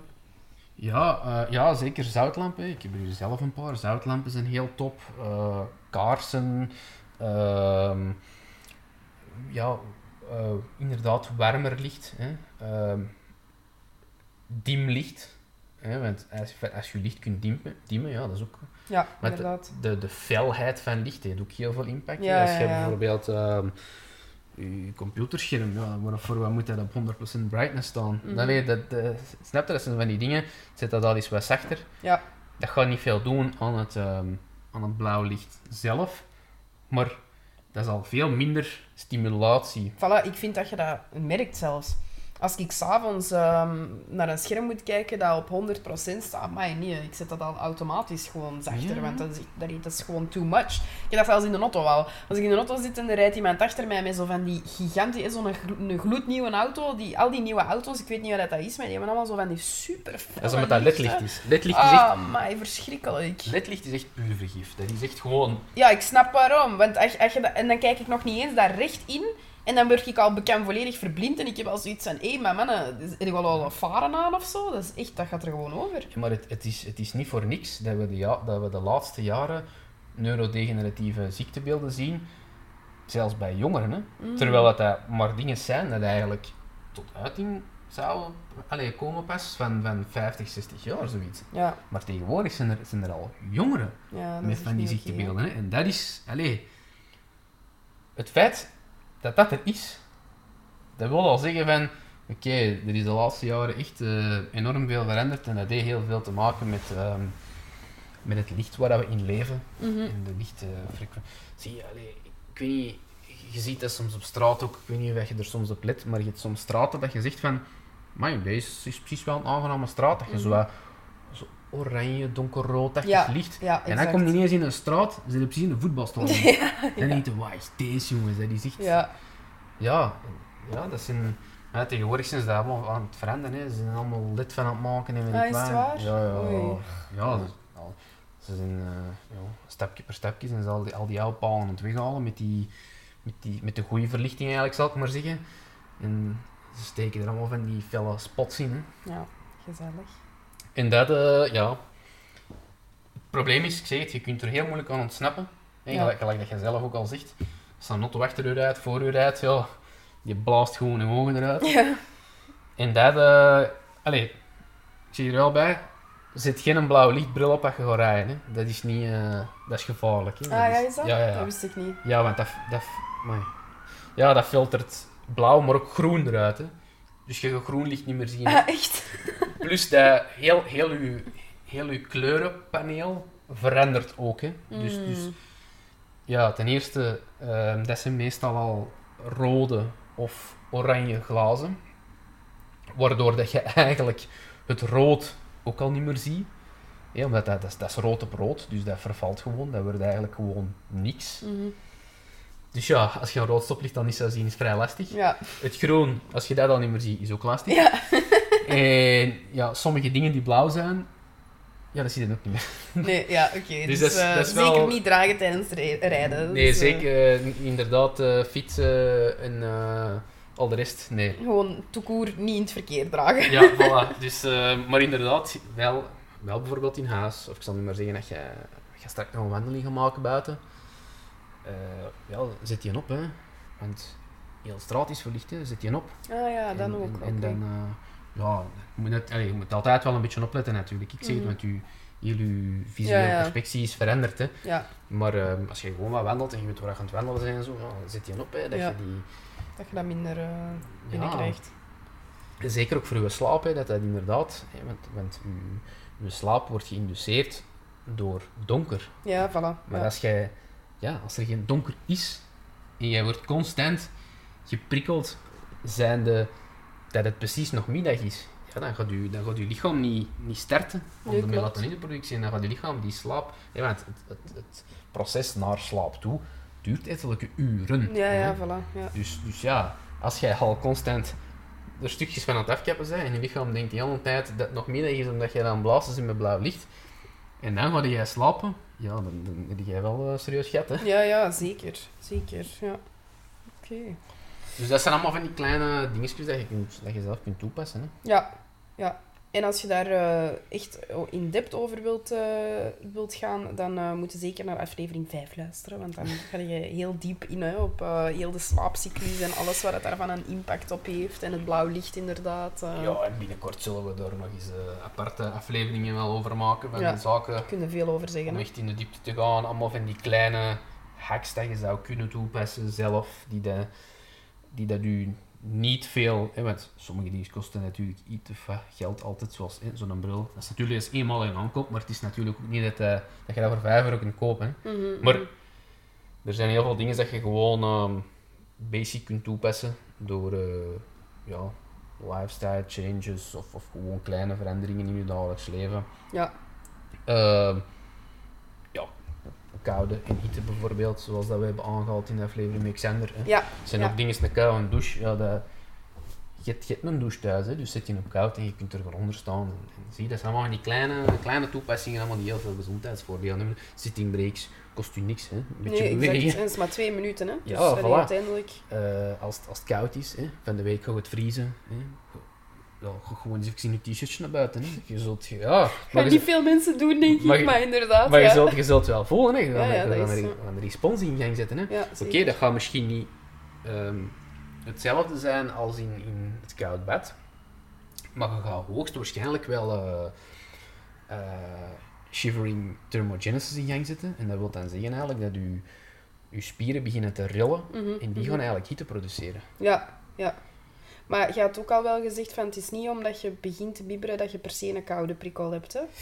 Ja, het ding is dat, jawel, allee, uw, uw, uw bibberen, dat zet eigenlijk via de spieren ehm, hitteproductie in gang. Oké.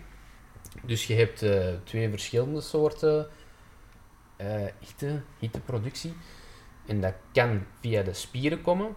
Dus eigenlijk vanaf dat je begint te, te trillen, dat is eigenlijk een goed teken. Ah. Want dan gaat je via de spieren warmte produceren. Ja. En als je niet trilt, niet per se een slecht teken. Want dan gaat je eigenlijk gewoon via je eh, bruin vet hitte produceren. Ah, ja, ja, ja. Maar het kan wel zijn dat als je eh, niet bibbert, en gelijk bijvoorbeeld iemand loopt zonder jas buiten, en de ene bibbert, maar de andere eigenlijk niet, dan kan het wel zijn dat voor de andere niet per se een koude prikkel voldoende was om zonder t-shirt buiten te lopen. Ja, er gaat sowieso wel hitte worden geproduceerd.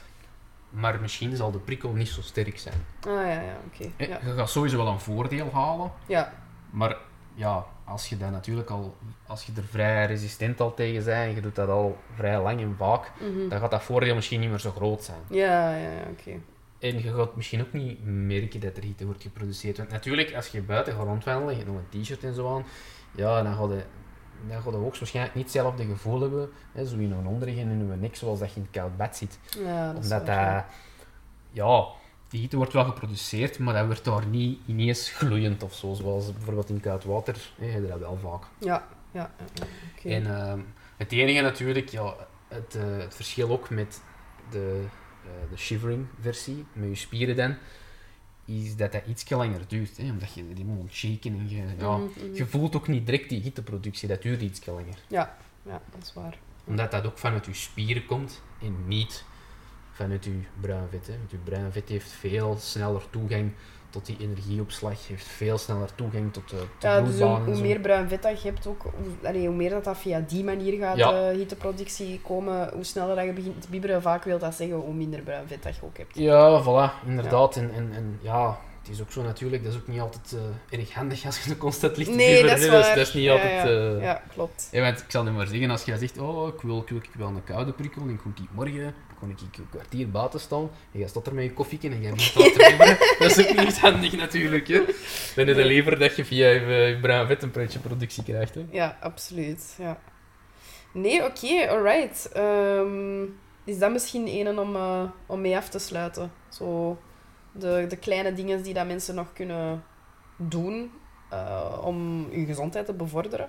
Je hebt er al, al een aantal eh, opgenoemd, de, de sitting breaks. ehm, maar vanuit KPNI nog zaken waar dat jij nu aan denkt, waar dat ze zeker kunnen meepakken naar hun gezondheid toe. Kleine dingetjes. Kleine dingetjes, ja, zo, hè. De, de sitting breaks. Ehm, kijk eens naar het eh, intermittent living concept. hè. Ja, aflevering 10 is dat? Nee. Ja, Eh, aflevering 10 met Xander, denk ik. Intermittent living. was het niet aflevering 12? Ik weet Oh, niet dat kan ook, ja. Ik denk, aflevering 12 ja, dat het was. zou kunnen. Hè, gaat die aflevering eens beluisteren. Super veel interessante informatie. Eh, leest misschien eens het boek van Sibe Hanneset over intermittent living. Hè. Sibe is eh, ook ex-KPNI-therapeut. Allee, hij, heeft, hij heeft zelf gewerkt bij KPNI, heeft zelf patiënten behandeld. Hij heeft er een boek over geschreven waar dat ook heel veel wordt aangehaald. Past daar een aantal zaken van toe. Eh, kijk, kijk eens in uw, in uw dagelijkse omgeving. Hoeveel van uw licht, uw artificieel licht kunt al verminderen, vermijden. Je moet niet altijd alles aansteken. Steek eens een iets kleiner lichtje aan. eh, zo van die dingen. Kijk, kijk ook eens op, op vlak van voeding. ehm, dat je, wat dat je daar eventueel aan kunt doen. En voeding is ook een heel breed concept, je kunt ook super in de diepte gaan. Maar ehm, één ding dat ik wel al kan zeggen, een hoge maaltijdfrequentie zorgt voor zeer veel problematiek. En vanaf wanneer is het een hoge maaltijdfrequentie? Boven de drie. Oké, ja. Dus drie maal, allez, drie maal per dag eten is voor veel mensen optimaal. Ga je naar vier, vijf, meer keren. En, en zeker als je constant maar van die dingen in je mond aan het steken Gewoon zo'n bent. snacksjes. Telt eigenlijk ook als een maaltijd. Ja, Ja. Alles, alles wat je in je mond stikt en moet verteren, is een maaltijd voor je lichaam. Mhm. En dat, eh, ja, dat is zeker niet gezondheidsbevorderend. Dat is zelfs heel slecht voor je gezondheid. Dus ehm, Oké. Dus eigenlijk daar toch ook een beetje op proberen letten van Ja. liefst niet meer als drie maaltijden per dag. Maar mogen wel, want ja, natuurlijk, veel mensen eten wel bijvoorbeeld ja, nog een snack of zo vlak voordat ze gaan sporten om terug even wat energie te hebben. Of stel nu dat je er vier, vier op een dag of zo, drie maaltijden en een snack het, of zo. het ding is, als je bijvoorbeeld net voor het sporten nog een snack of zo, dan ehm, ligt dat nog anders. Omdat je, ja, je gaat effectief Ga dat direct dat, je, hetgeen dat je binnenneemt, gaat je in veel gevallen, navenant wat je eet, gaat je ook eh, veel gebruiken. Plus, ehm, waarom dat, dat eigenlijk zo eh, slecht is voor je gezondheid. Eén een van de problemen die dat je ermee veroorzaakt, is dat je weer een laaggradige ontstekingsreactie zet. Hè, want je, immuun, je immuunsysteem reageert met een reactie eh, op, op hetgeen dat je binnenkrijgt. Mhm. Maar ja, als jij gaat trainen, dan creëer je sowieso een ontstekingsreactie. Want je creëert sowieso een stresssituatie. Mm. Dus ja, het is een beetje... Ah, het is dan beter inderdaad om, dat, om samen één reactie te creëren, dan Ja. dat je zo allemaal momentjes doorheen een dag... een dag eh, creëert. Maar ehm, allee, de volledige uitleg is voor eh, in een andere aflevering. ja, dat is, daar kunnen we echt uh, daar ben ik, daar ben ik misschien weer een half uur mee bezig, want dan, Ja. dan hebben we het over insuline, leptine, heel de boel. Dan, dan moeten we daar in de diepte op gaan, Ja, waarom dat, dat een probleem vormt. En dat is, eh, dat is trouwens ook eh, voeding. Is trouwens ook een... Dat denk zelfs, ja, dat is, op, dat is opgedeeld zelfs in twee modules, omdat dat zo breed is. Ah, hebben ze ja, dat ja, zelfs in twee modules. Ja, Vo- voeding wel 1, inkomen. voeding 2. Ja. Dus dat is, dat is nog heel uitgebreid, maar dat zullen we wel ja. in, de, in de toekomst eens bespreken. Oké. Nee, top, top. Dat zijn denk ik al wel goede dingen dat, dat, dat mensen kunnen, kunnen meepakken. En hetgeen wat je daar straks ook zei, van als er iets mis is en je voelt dat er iets mis is, ga daar naar op zoek van voilà. wat, is, wat is concreet de oorzaak en laat u niet afschepen ehm, als professionals zeggen van ja, maar het is niet zo erg en los het met een pilletje op of zo. Nee, ga daar echt ja, ga op zoek en zijn bewust bezig met... eh, Ze zijn echt bewust bezig en, en, en ja, ik zeg het, gaat, gaat in bepaalde, eh, in bepaalde zaken gaat er echt op door. hè. Ja, ja. Volgt, eh, volgt uw instinct. En, en als je vindt van ja, die persoon, hetgeen wat hij tegen mij zei, of de diagnose dat hij heeft gemaakt, ja, dat vind ik toch maar, ja, dat ligt mij zo niet. Ja, zoek dan iemand anders. Ja, Want er zijn effectief, eh, er zijn echt al dokters die bijvoorbeeld de KPNI-methode toepassen. mhm, Dus Die heb je ook al. Ze zijn er zeker en vast. Gewoon, eh, ja. Je moet ze gewoon zoeken, vinden, tegenkomen. Eigenlijk, eigenlijk heb je op, op heel veel eh, gezondheidsvlakken al mensen die andere methodes toepassen. Ja, ja. Ja, want je hebt bijvoorbeeld ook al tandartsen die kijken naar ehm, het totaalbeeld van het lichaam in plaats van alleen maar naar je tanden. Ja, voilà. Ja. Ja, ja, dat is belangrijk. Als je een tandarts ziet van, oh, je hebt, eh, je hebt periodontitis, periodontitis is tandvleesontsteking. Ehm, mensen die naar het totaalbeeld kijken, die gaan direct denken van, oké, er is een onderliggende oorzaak. Mhm, mhm. Die periodontitis is een ehm, symptoom, een, een signaal, maar dieper liggend is iets aan de hand. Ja, ja, ja. ja. Oké. Very interesting. Goed. Dat, eh, dat was wel... eh, ik denk dat we terug... eh, ah ja, toch anderhalf uur, denk ik, hebben volgepraat. Ja, Dus dat is wel weer serieus een brok info geweest. Ik zou zeggen, eh, eh, als dit u interesseert, ga inderdaad zeker eens naar de aflevering ehm, van Intermittent Living met Xander de Nis kijken eh, of luisteren. En, ehm, oei, dat is mijn alarm. Pas, hè, dat zegt dat tijd om af te sluiten. Ehm, en ook naar uw aflevering over slaap. Dat was ook Ja. een heel interessante, waar we ook dieper op in zijn gegaan. En ik denk zelfs tijdens de aflevering met Axel dat wij ook wel op een aantal zaken van, dat er vandaag zijn aangehaald. eh, Excel heeft er ook heel veel kennis met. Allee, ja, die ehm, kijkt ook naar het totaalplaatje. Hè. Met Excel hebben we natuurlijk veel gepraat over hormonale gezondheid, maar Excel weet nog veel meer als dat. Hè, dus. Ja, ja, voilà. Ja, ja. En dat is ook weer een holistic approach, dus daar komt dat ook weer allemaal aan, te passen. Nee, oké, goed, voilà. Dan eh, kunnen wij hier denk ik eh, rustig afsluiten. En eh, laat ons zeker weten wat je van de aflevering vond, wat je eruit meepakt. En voilà, tot de volgende. Tot de volgende! Dankjewel om tot het einde bij ons te blijven. We hopen dat deze aflevering je geïnspireerd en gemotiveerd heeft. Vond je het interessant? Abonneer dan zeker op onze podcast, deel deze aflevering met een vriend en laat ons weten wat je ervan vond op onze social media kanalen, waarvan je de links in de show notes terugvindt. Heel graag tot de volgende aflevering en onthoud, kleine stappen brengen grote resultaten.